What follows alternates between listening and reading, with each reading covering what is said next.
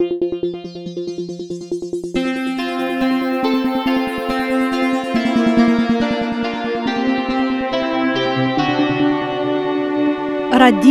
Esperanto. Saluton. Hodiu, la dexesan de augusto dimanche, postega longa silento, el la Kaliningrada studio de Radio Esperanto, de novo salutas vin Aleksandr Koržankov kaj Halina Gorecka. Lasta foie ni al parolis vinanto du jaroj, somere 2003, kaj tiam finantele en conducon mi diris, che ni ne curagias annonci la daton de la 32 son programo, cerve, Radio Esperanto restas en la ombro de la pli gravaj aferoj: gazeto, novaĵretejo, libroj, Efektive ni devis elekti ĉi tiujn tri prioritatojn, inter kiuj la plej grava estas la ondo de Esperanto, kiun ni pretigas por kvincento da niaj paperaj kaj elektronikaj abonantoj. La dua el la prioritatoj estas nia novaĵretejo La Balta Ondo. Ci somera ni verŝajne faris specon de rekordo, ĉar ekde la dudek tria de julio ĝis hodiaŭ dum dudek kvin tagoj sinsekve en La Balta Ondo aperas almeno unu nova informo ĉiutage. Se temas pri la eldonado, ĉiara ni nur represis la kongresajn paroladojn de Zamenhof, ĉar niajn tempoj kaj energion dum la periodoj kiam ni ne laboras pri la revuo, ni dediĉas al la enciklopedia projekto nia diligenta kolegaro. Pro tio ni son programo estas maloftai, kaj nelongaj. Cetere ĝis nun aperis tridek unu programui de Radio Esperanto. Ili estis dum kelkaj jaroj aŭskulteblaj, elŝuteblaj kaj aboneblaj ĉe la unua ruslanda podcastejo Arpod ĝis la fino de la pasinta jaro, kiam Arpod estis fermita. Ĉar pluraj personoi petis nin redisponigi la malnovain programoin, ni comences publici gadon de la antauei podcastoi ce pod FM RU, kia peras anco ce tiu programo. Anco gi, la 32 programo estas mallonga. Tre baldo Halina rakontos salvi pri sia partopreno en la jubilea Centa Universala Kongreso en Lilo. Vi audo ankaŭ Esperanto novajoin, prezenton de la plej freŝa kajero de la Ondo de Esperanto, informon pri nia tradicia literaturo konkurso Liro kaj fine canzonon en Esperanto. Bonvolu pardoni la fonain bruetuin, kiuin vi eble audas pro tio, che giuste nun en le insulo de Cantio, giuste contra uniei fenestroi, ocasas la lasta taga programo de la jam tradizia internazia popolcultura festivalo Territorio de Pazzo. Nu, ja estas agrable auscultadi in hindain, in ciprain, tagicain, ca natura naturanco la rusain, sed tiui condicioi ne estas idealae por son registrado, ec se la fanestroi estas nun bone fermitai cae curtenitai. Anco nun mi ne curagias annonci la daton de la sequa programo, sed mi promessas aperigi gin post malpli longa pauso ol tiu inter la antaua cae nuna programoi. Bonan auscultadon!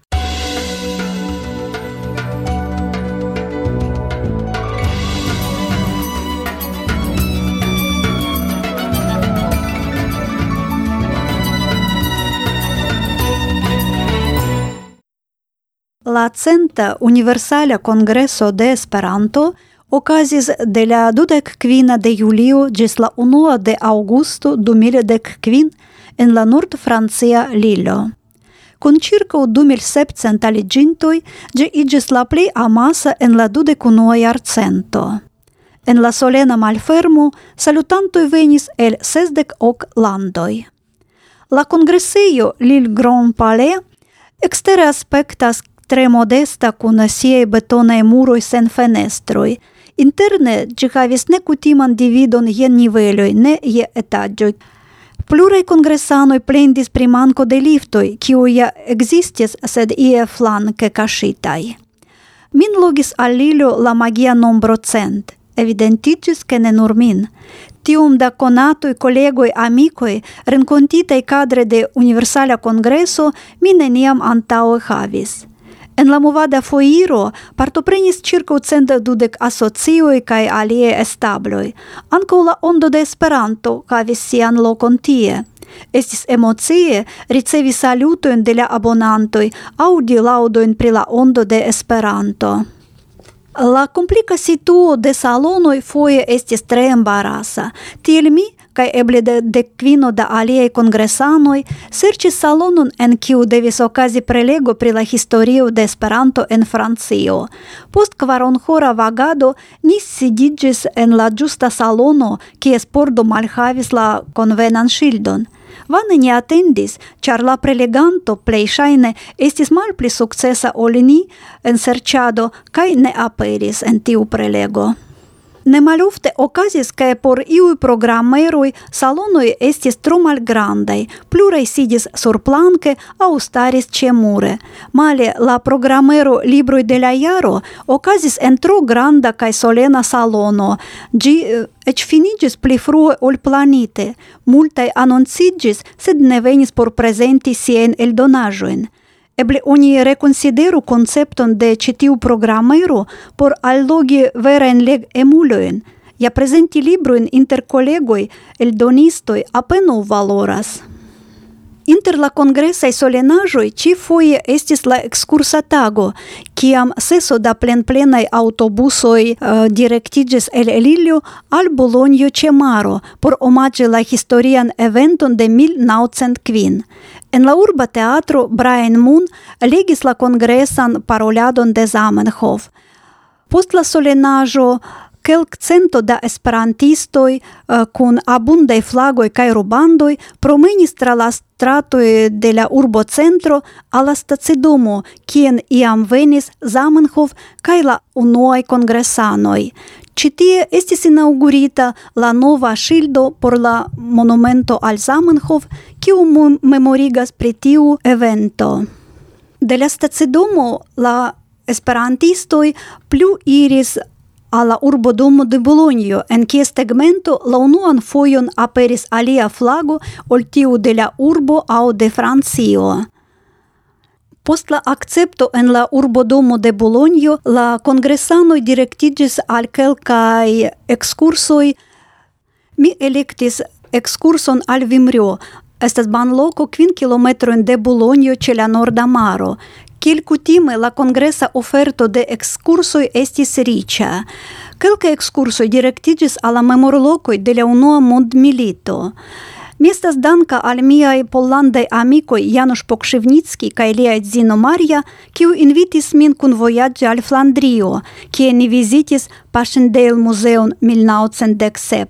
La muzeo Paŝendejl – gardas memoron pri unu el la plej sensensaj homoferadoj de la unua mondmilito, fotoj, filmoj, ampleksa kolekto de historie objektoj kaj vivsimilaj scenoj, impresas la rekonstruitaj subteraj koridoroj kaj tranĉeoj. Ni anco visitis Tain Kot, la plei grandan britan milit tombeion sur la continento. Gi enhavas circo dek du mil tomboin, sepdec procentoi da cioi estas neidentigitaj. Ruĝaj papavoi estas simbolo de la milita gloro kaj memoro pri la pereintoi en la unua mondmilito. En la teretaggio de la kongresejo tre uh, populara kai alloga estis la apudo de Nitra, Slovakia urbo, kiu gastigos la cent unuan kongreson en 2016. Citie oni povis ricevi informoen pri Nitra kai Slovakio, eh, konatiĝi kun la oferto de venontai excursoi, kai fine de la congreso venis la urbestro de Nitra, kiu salutis en la urbodomo de Lillo kaj bonvenigis eh, venontajn kongresanojn.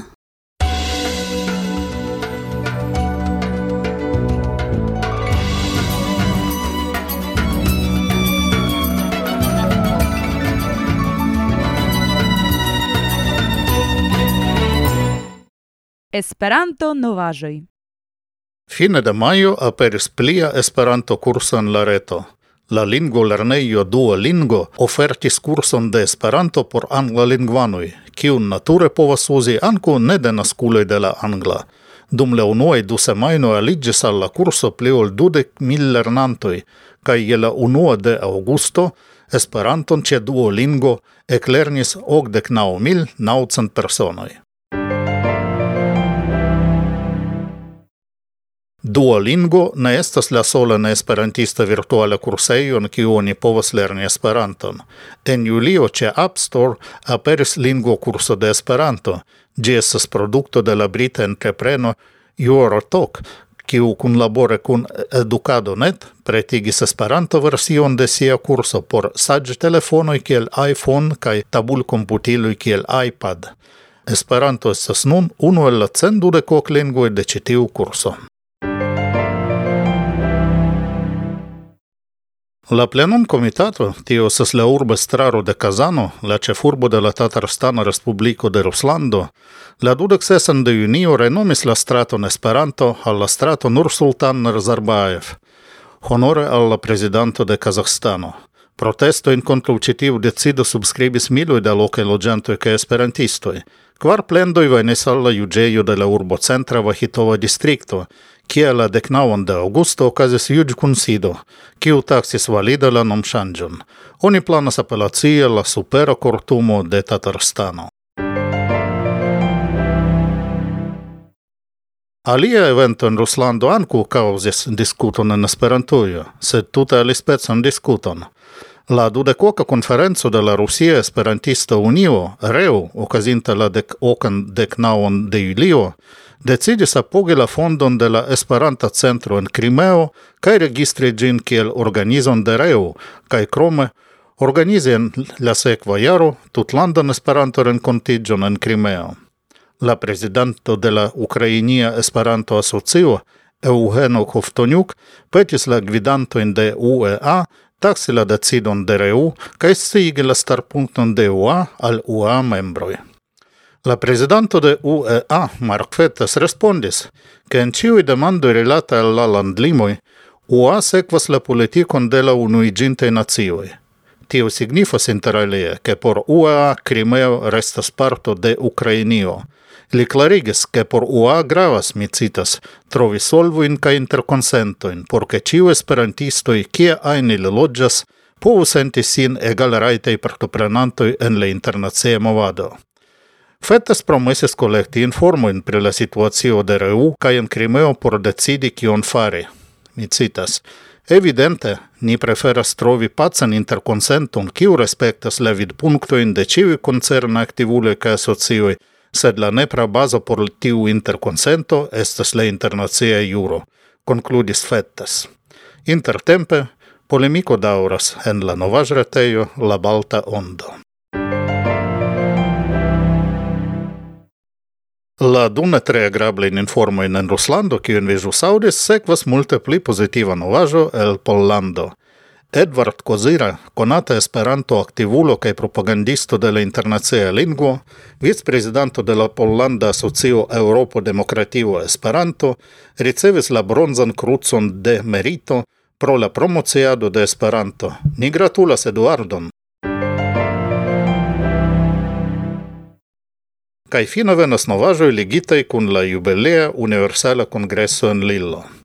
Ebla la plei grava el ili estes la decido de la estraro de UEA electi la 32-jaran hungaran doctorinon Veronika Por kiel la novan generalen direktoron de la asocio.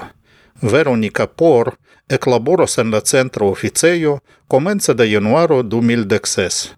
Dum du monata transira fazo, la nuna kai estonta direktoroj kunlaboras por la transdono de taskoj, por formale transprenos la oficon komence de marto. Prezentante la decidon, Mark Fettes dankis la alien candidatoin pro ilia pretezo por la tasko. Li ankaŭ esprimis dankon al Osmo Buller pro ties multiara sin dedicio kiel la generala direktoro. La Comitato de UA acceptis la aliĝpeton de la Indonesia Esperanto-Asocio. La Indonezia Asocio igis la sepdek dua landa asocio de UA. Cetere, Indonezio lau la nombro da logentoi, estas la quara plei granda lando en la mondo post Cinio, Barato kaj Usono, kaj nun en la listo de la dek plej logiate landoi de la mondo nur en Bangladesho, kiu estas la oca en citiu listo, mankas landa asocio de UEA. La itala juristo Giuliano Turone farigis membro de la honora patrona comitato de UEA. Tiu honora organo consistas el linguistoi, sciencistoi, ca alie eminentuloi, kiui faris gravain servoin al la esperanto movado, cae mem parolas cae verkis en la internazia lingvo. Krom li en la honora patrona comitato estas anco germana diplomato Ulrich Brandenburg, koreas sciencisto Chan Chon Sin, germana economicisto Nobel premito Reinhard Zelten, brita linguisto John Wells kaj la usona profesoro Humphrey Tonkin. Membreco en la honora patrona comitato estas la plei alta honora titolo en UA, char neniu honora presidento nun vivas, sed krom tio UA havas circa quindec honorain membroin. Ciare honora honorai membroi igis la franca verkisto eldonisto André Sherpillod cae la germana historiisto cae ex estrarano de UEA doctoro Ulrich Linz. Crome, en la solena fermo de la Lilla Kongreso esis annoncitaj la nomoi de la dekdu ricevantoj de la diplomo pri elstara agado cae de diplomo pri elstara arta agado. premio oni saburo de Gucci la esperantista pac premio, kiel oni nomas gin, estis starigita per donatso de Oomoto en 1987, cae gi estas allugiata ciu iare. Gi consistas el diplomo cae monsumo de 2000 euroi.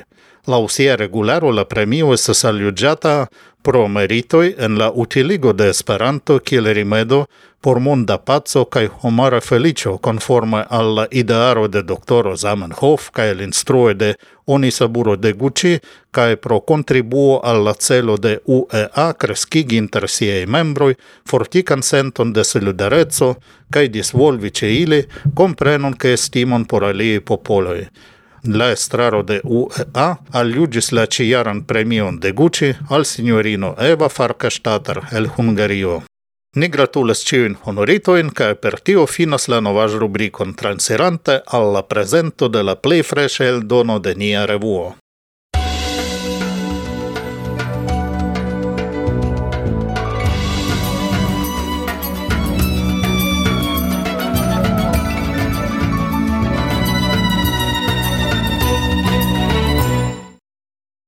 kiel dirite en la enconduco, la eldonado de la ondo de Esperanto estas nia ĉefa prioritato.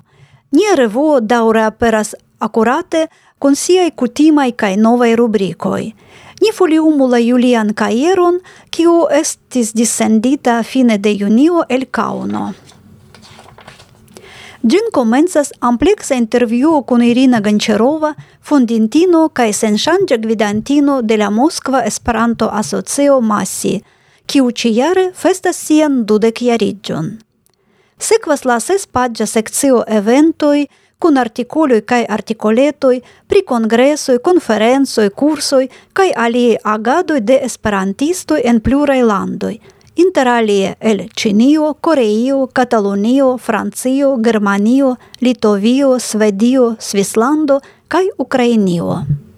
Ен ла секцио трибуно, енестас чифоје моната коментарио де Давид Абјаго, прила маль фацилја ситуацио де Грекио ен ла Европа Унио. Нова артиколио де Денис Кив, Меркатико стратегио кай Есперанто, стратегио чено пор локај асоциој. Comentario de nia columnisto comitatano Zo cun la titolo Lasu la universalan congreson en pazzo. Oni excias en tribuno la rezulton de la voĉdonado kia kongresi post tri jaroj, plej multajn voĉojn ricevis Portugalio kaj Luksemburgio. Ĉijare en nia revuo komenciĝis la artikolciklo Urboj de Ruslando, en kiu en januaro aperis artikolo pri Smolensk kaj en maio pri Tobolsk. La tria urbo estas Rostovo la Granda, Rostov Veliki, kies mil cent quindec jaran historion kaj la nunan staton en la julia Caiero de la Ondo de Esperanto – Интересы презентис лаконата Москва эсперантисту Николао Гуцков. Цетере фото эль Ростову орнамас ла Юлиан Ковропаджон. Чијаре ен ла клерига рубрико Ния Трезоро де ла Ондо естес презентатай дек ел старај гвидантој де ла Эсперанто Мовадо. Пост артикулю при Людовико Заменхов, Луи де Бофрон, Карло Бурле, Генерало Себер, кај Хектор Ходлер, En la Julia Caiero de la Ondo de Esperanto aperis artikolo pri Edmund Priva. Ĉiujn artikolojn de citiu rubrico rubriko ĉijare vercas nia redaktoro Aleksandr Karzhenkov. En la revuo oni povas legi ankaŭ pri novei libroi kaj gazetoj, pri la literatura konkurso Liro. Kiel kutime, fine de la revuo estas konkursaĵoj kaj humuro en mozaiko – cae en la comenzo estas la listo de la jubileoi dat revenoi cae festoi por Iuliu 2015. слегебле textoi el citiu caiero estes legeble en nia novaja де sezonoi.ru. La ondo de Esperanto традиција abonebla en la tradicia papera formo contra quardec du euroi por la tuta ау 2015 au 2016, cae contra dudec unu euroi por iar duono. La elektronika podofo jar abono por la tuta jaro costas nur dec quin euroin. La adreso de la retejo kun informoj pri la pagebleco vi trovos en la prezento teksto de ĉi tiu sonprogramo.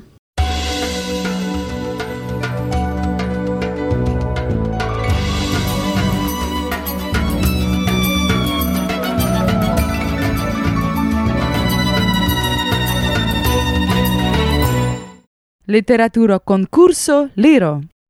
La redaccio de la Ondo de Esperanto de nuevo invitas a la tradicia literatura concurso Liro. Same kiel en la du antaŭaj jaroj, anko en 2015 la konkurso havas nur tradukajn branĉojn. Por Liro 2015 estas proponitaj du tradukendaj verkoj. Traduko el la angla Lost on Dress Parade, novelo de O. Henry. Traduco el la rusa Bargamut y Garaiska, novelo de Leonid Andreev. La regularo de la concurso estas legebla en nia retejo sezonoj.ru. En la rubriko literatura concurso liro, la plej dextra en la menuo.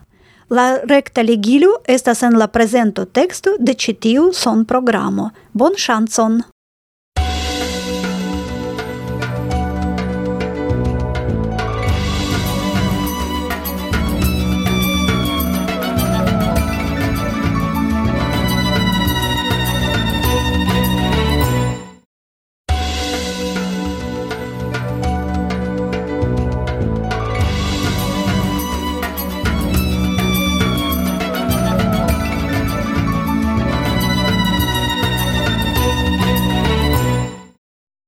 Iam dum nau jaroj la germana cantisto Johnny M.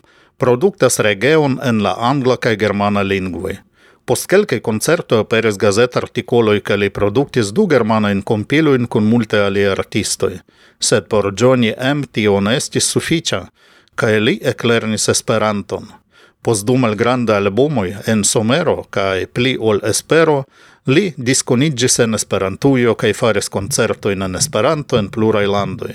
Fine, antaŭ du jaroj, aperis ĉe Vinil Kosmo lia unua longdaŭra albumo Rege Stilo, el kiu hodiaŭ ni prezentas la kanton Eternan Lumon. Ĝis raŭdo!